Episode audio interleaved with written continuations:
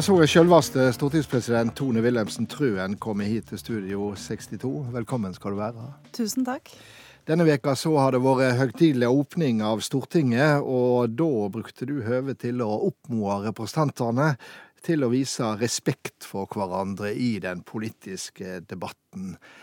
Hva er det i vår tid som gjør det naudsynt med ei slik oppfordring fra stortingspresidenten? Jeg tror det er veldig viktig at vi eh, ivaretar den tilliten. Vi har veldig høy tillit i Norge både eh, til de demokratiske institusjonene, som jo Stortinget er en, eh, er en, viktig institusjon, men også mellom folk. Og jeg mener at for å ivareta den tilliten, eh, at velgerne skal stole på at vi tar det ansvaret vi skal som folkevalgte, så har vi også et ansvar selv for å behandle hverandre respektfullt, selv når vi er rykende uenige om politikk. Ja, fordi at det ikke tok å komme forbi at språket er blitt voldsommere i eh, både debatt generelt, men også den mm, politiske debatten de siste åra. Ja, vi, eh, vi, kan vel ane en noe mer polarisert debatt, eh, også i Norge. Eh, og så skal jeg nok si at jeg har lest noen referater fra Stortinget fra de gode gamle dager også, hvor, eh, hvor det De var ikke skåret for tungebånd, eh, de som uttalte seg da heller. Eh, og jeg tipper at en retoriker vil finne mye glede i å lese gamle referater fra, fra Stortinget. Det var gode retorikere tidligere også. Men jeg tror vi skal ta oss i vare hvis, hvis debatten blir for polarisert. Og vi er jo veldig strenge i Stortinget på dette at det å uttale seg på en måte som, som på en måte svekker motstanderen som person, altså det å, det å ikke skille sak og person, det er, vi, det er, vi, strenge på i stortingssalen. Og det handler rett og slett om vi skal ha respekt for hverandre. Vi er uenige. Eh, meningsmotsetninger er det politikk egentlig er. Og så skal vi finne sammen på en respektfull måte. Jeg kommer nok til å be deg litt seinere om, om dømme på akkurat uh, dette med hva for språk som er tillatt og ikke, men, men, men først, uh, professor og retorikkekspert Jens Elmenund Jens Kjeldsen, du er med oss fra Bergen. Har vi fått et mer brutalisert språkbruk uh, i, i norsk debatt? Ja, det er nok ingen tvil om vi har fått det. Men det kommer også an på hvor langt du tenker tilbake. For akkurat som vi hørte fra stortingspresidenten, hvis du går langt nok tilbake til midten av 1800-tallet f.eks., der var folk jo voldsomme. Og Bjørnson, f.eks., når han holdt sine store taler, så holdt han seg ikke tilbake for en fornærmelse eller to. Så vi har nok fått et uh, mer um, personlig, mer offensivt og aggressivt språk. Men, uh, men den tradisjonen går som sagt også langt tilbake. Men eh, i norsk sammenheng så var det vel et skille eh, før og etter krigsåra, der en eh, fikk en mer forsonlig språkbruk politiske motstandere imellom etter de fem krigsåra? Ja, Det er åpenbart at etter en tid hvor du har hatt krig, og øh, landet har vært i en vanskelig periode, da må man finne sammen. Og Vi så jo det samme igjen f.eks. etter 22.07. I denne type øh, svært alvorlige situasjoner der finner alle politikere på tvers av alle skjell sammen. Og der endrer man også tonen. Vi hadde jo før 22.07 en debatt om tonen i politikken.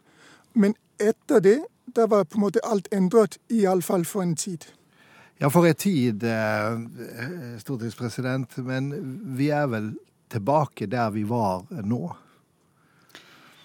Jeg er i hvert fall opptatt av at vi skal um uh, snakke om dette og trene, trene oss på å, behandle hverandre ryddig. Uh, og jeg tror eh, vi trenger å minne hverandre på dette også, i, i en tid hvor, uh, hvor um, man ofte må ha veldig tydelige og sterke meninger også for å bli hørt eh, der ute. Både å bli hørt av mediene og fanget opp av, av journalister, men, men, også på sosiale medier. Vi, har jo en, vi er jo en helt annen situasjon også fordi sosiale medier eh, bidrar eh, til å gjøre debattene mye tøffere for veldig mange.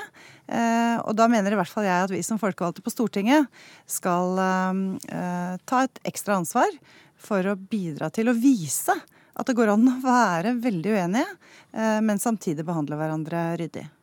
Sånn at mens det har vært roper høyere og høyere utenfor Stortinget, så er Stortinget opptatt av at der skal debatten foregå eh, i, i, i mer eh, lavmælte former. Ja, Lavmælt og lavmælt. Altså, jeg tror vi skal ta oss i vare for å legge altfor mye bånd på debatten.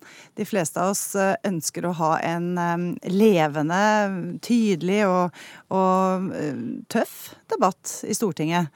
Uh, men det går fint an å kombinere det med å, med å oppføre seg ordentlig mot hverandre. Og spesielt dette med å ikke på en måte rakke ned på person, det å ikke være tendensiøse, spekulere i andres motiver. Det er jo denne type eh, retorikk i en stortingsdebatt som, som gjør at eh, også vi som da leder disse møtene, reagerer eh, og påtaler. Fordi vi ønsker en, en, ikke en upassende eller fornærmelig atferd i stortingssalen. Jeg har sett litt på lista over ord og uttrykk som er forbudt å si. og Det er f.eks. ikke lov til å kalle en medrepresentant for idiot eller klovn eller noe for et supperåd. Er det eh, regler som fortsatt står seg? Ja, det er det. Eh, man kan jo kanskje driste seg til å si at et forslag virker ganske idiotisk. Eh, men å, å, si at en stortingsrepresentant som står overfor deg f.eks. i en replikkordveksling er en idiot, det er definitivt eh, over grensen. Det er eh, fornærmende atferd overfor den personen. Så, så, men det kommer jo selvfølgelig alltid litt an på kontekst. Mm. Hvordan ord sies. Og de, de aller uh, lureste, og nå håper jeg ikke de hører på nå, de pleier å putte inn dette helt på slutten av innlegget, så presidenten nesten ikke får tid til å tenke seg om og ikke rekker å klubbe før innlegget er over. Men på den lista over forbudte ord så ser jeg jo at det står også at det ikke er lov til å karakterisere noe som tøv og tøys, og det er heller ikke lov til å kalle noe for bløff. Men det er vel en del av oss som tenker at det er en del bløff eh, som kommer ut fra politikermunnen. Eh, hadde det ikke vært greit å liberalisere i hvert fall eh, bløffordet? Ja, nå er jo ikke disse, disse ordene er, Det er ikke hugget i stein at man eh, blir påtatt hver gang man bruker det heller. Jeg syns det er veldig viktig hvordan kontekst er, eh, og hvordan debatten egentlig i salen er. Noen ganger så merker vi at en debatt er i ferd med å utarte seg litt, og da blir man litt mer var også på de uttrykk som brukes. Men, eh, men vi er veldig tydelige på dette med, med nedsettende personkarakteristikker, f.eks. Det, det mener vi er eh, ikke ryddig. Vi skal jo huske at vi er jo også forbilder for debatt som foregår utenfor. Og jeg tenker at eh, vi ønsker ikke færre stemmer i den, eh, i den, samfunnsdebatten vår, vi ønsker flere. Og som politiker så har jeg alltid, helt siden jeg begynte i politikken i 87, så har jeg alltid blitt overrasket over veldig mange som sier dere krangler så mye, dere er så mye liksom, uenige. Og som ikke egentlig skilner mellom det å være politisk uenige Eh, stå i en kjempetøff debatt, men samtidig gjøre det på en måte som gjør at vi jo kan være veldig gode venner etterpå. Sitte på med hverandre hjem fra kommunestyremøtet, mm. drikke en kaffe i restauranten sammen. Eh, så når vi får til det, da syns jeg politikk er på det aller beste.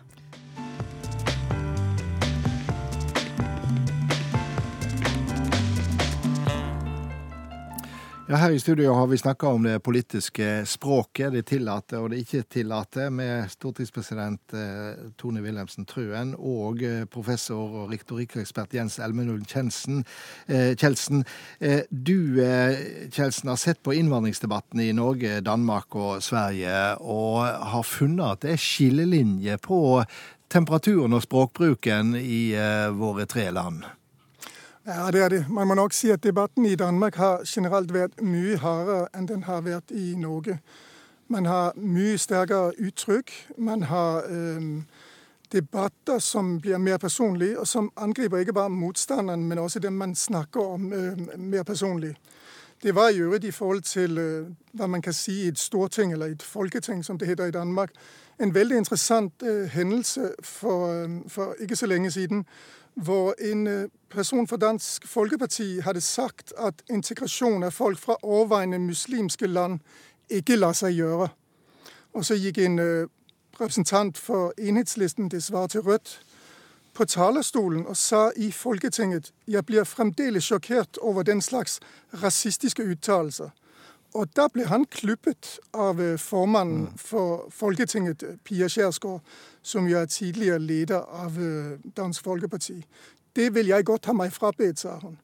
Og så svarte han at ja, men vi må jo ha lov å kalle noe rasistisk når man legger en hel befolkningsgruppe øh, for hardt. Og det fikk han ikke lov til. Man diskuterer ikke med formannen, sa hun.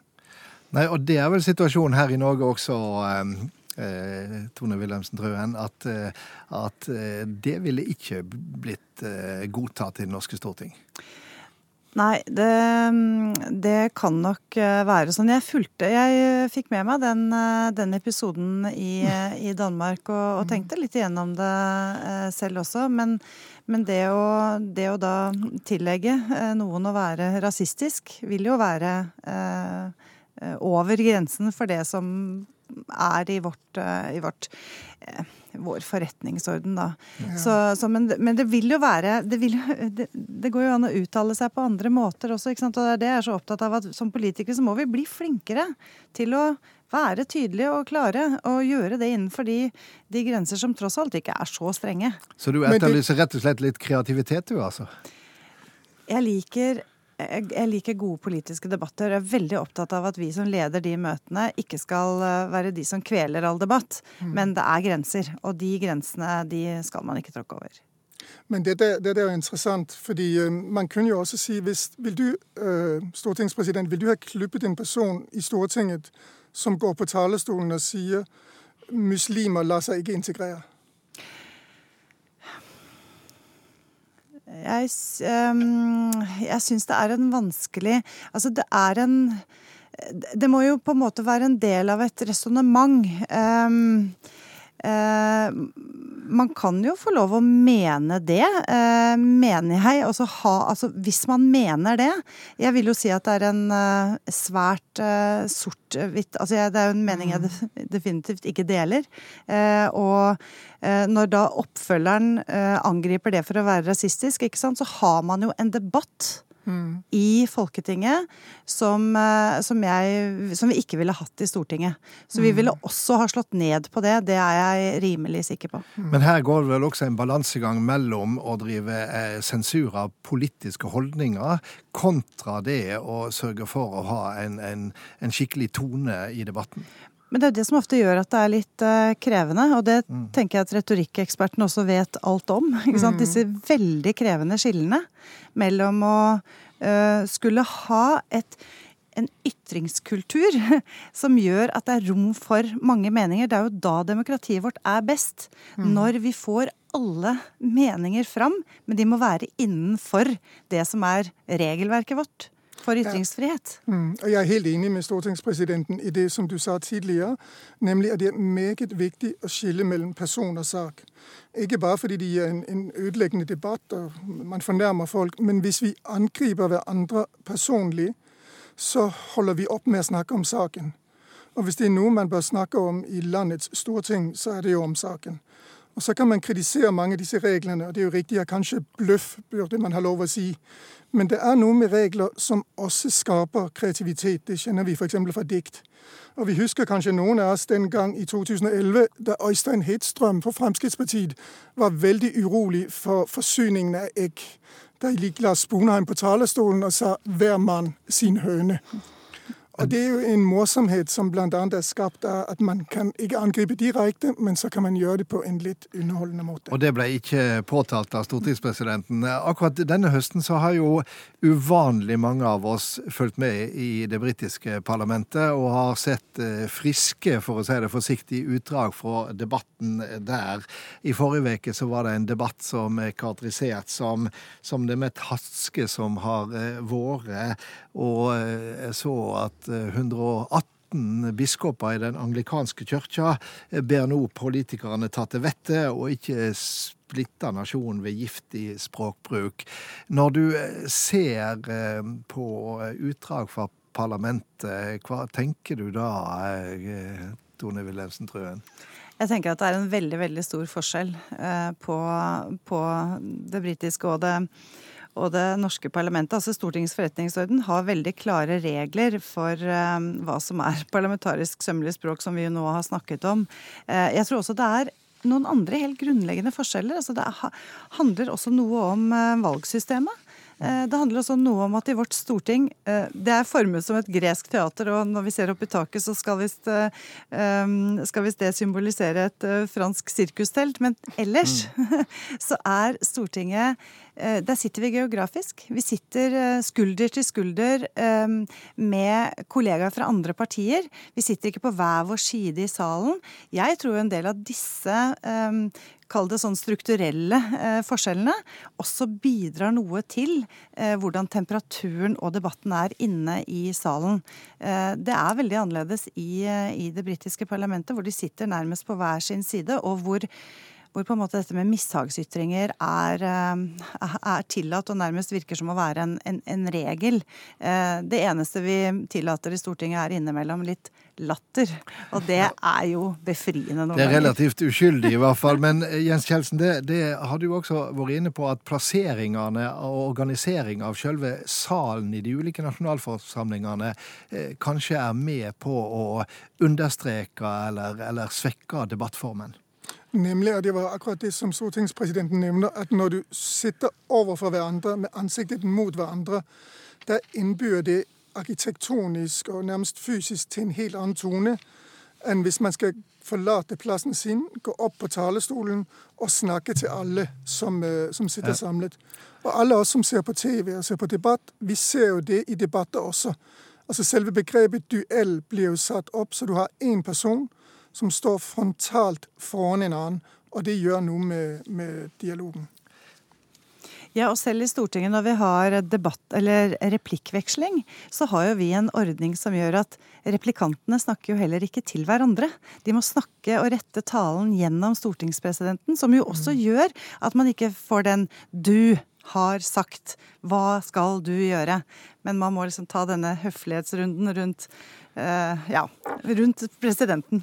Men her har vi jo ulike tradisjoner i ulike land. Det blir jo påstått at eh, parlamentet er brukt eh, til å utveksle fornærmelser mot hverandre helt siden det var etablert i 1265. Jeg så ei liste over de verste uttrykkene eh, som var brukt i parlamentets nyere historie, og der sto jammen ordet quisling. Det ville ikke passert hos deg, stortingspresident? Nei. Det får være siste ordet. Det var i hvert fall et usedvanlig klart svar eh, på, på, på, slutten. Jeg ble nesten tatt litt på senga av det korte svaret her. Du skal tilbake til trontaledebatten, eh, og den har vel gått sømmeleg for seg i år? Den har gått uh, veldig sømmelig for seg. Så der vi som er i presidentskapet kan styre politikerne, det er jo inne i salen fordi vi har en forretningsorden, og det har gått veldig bra. Tusen takk for at du kom, og takk til deg, eh, Jens Elmenuld Kjeldsen i Bergen.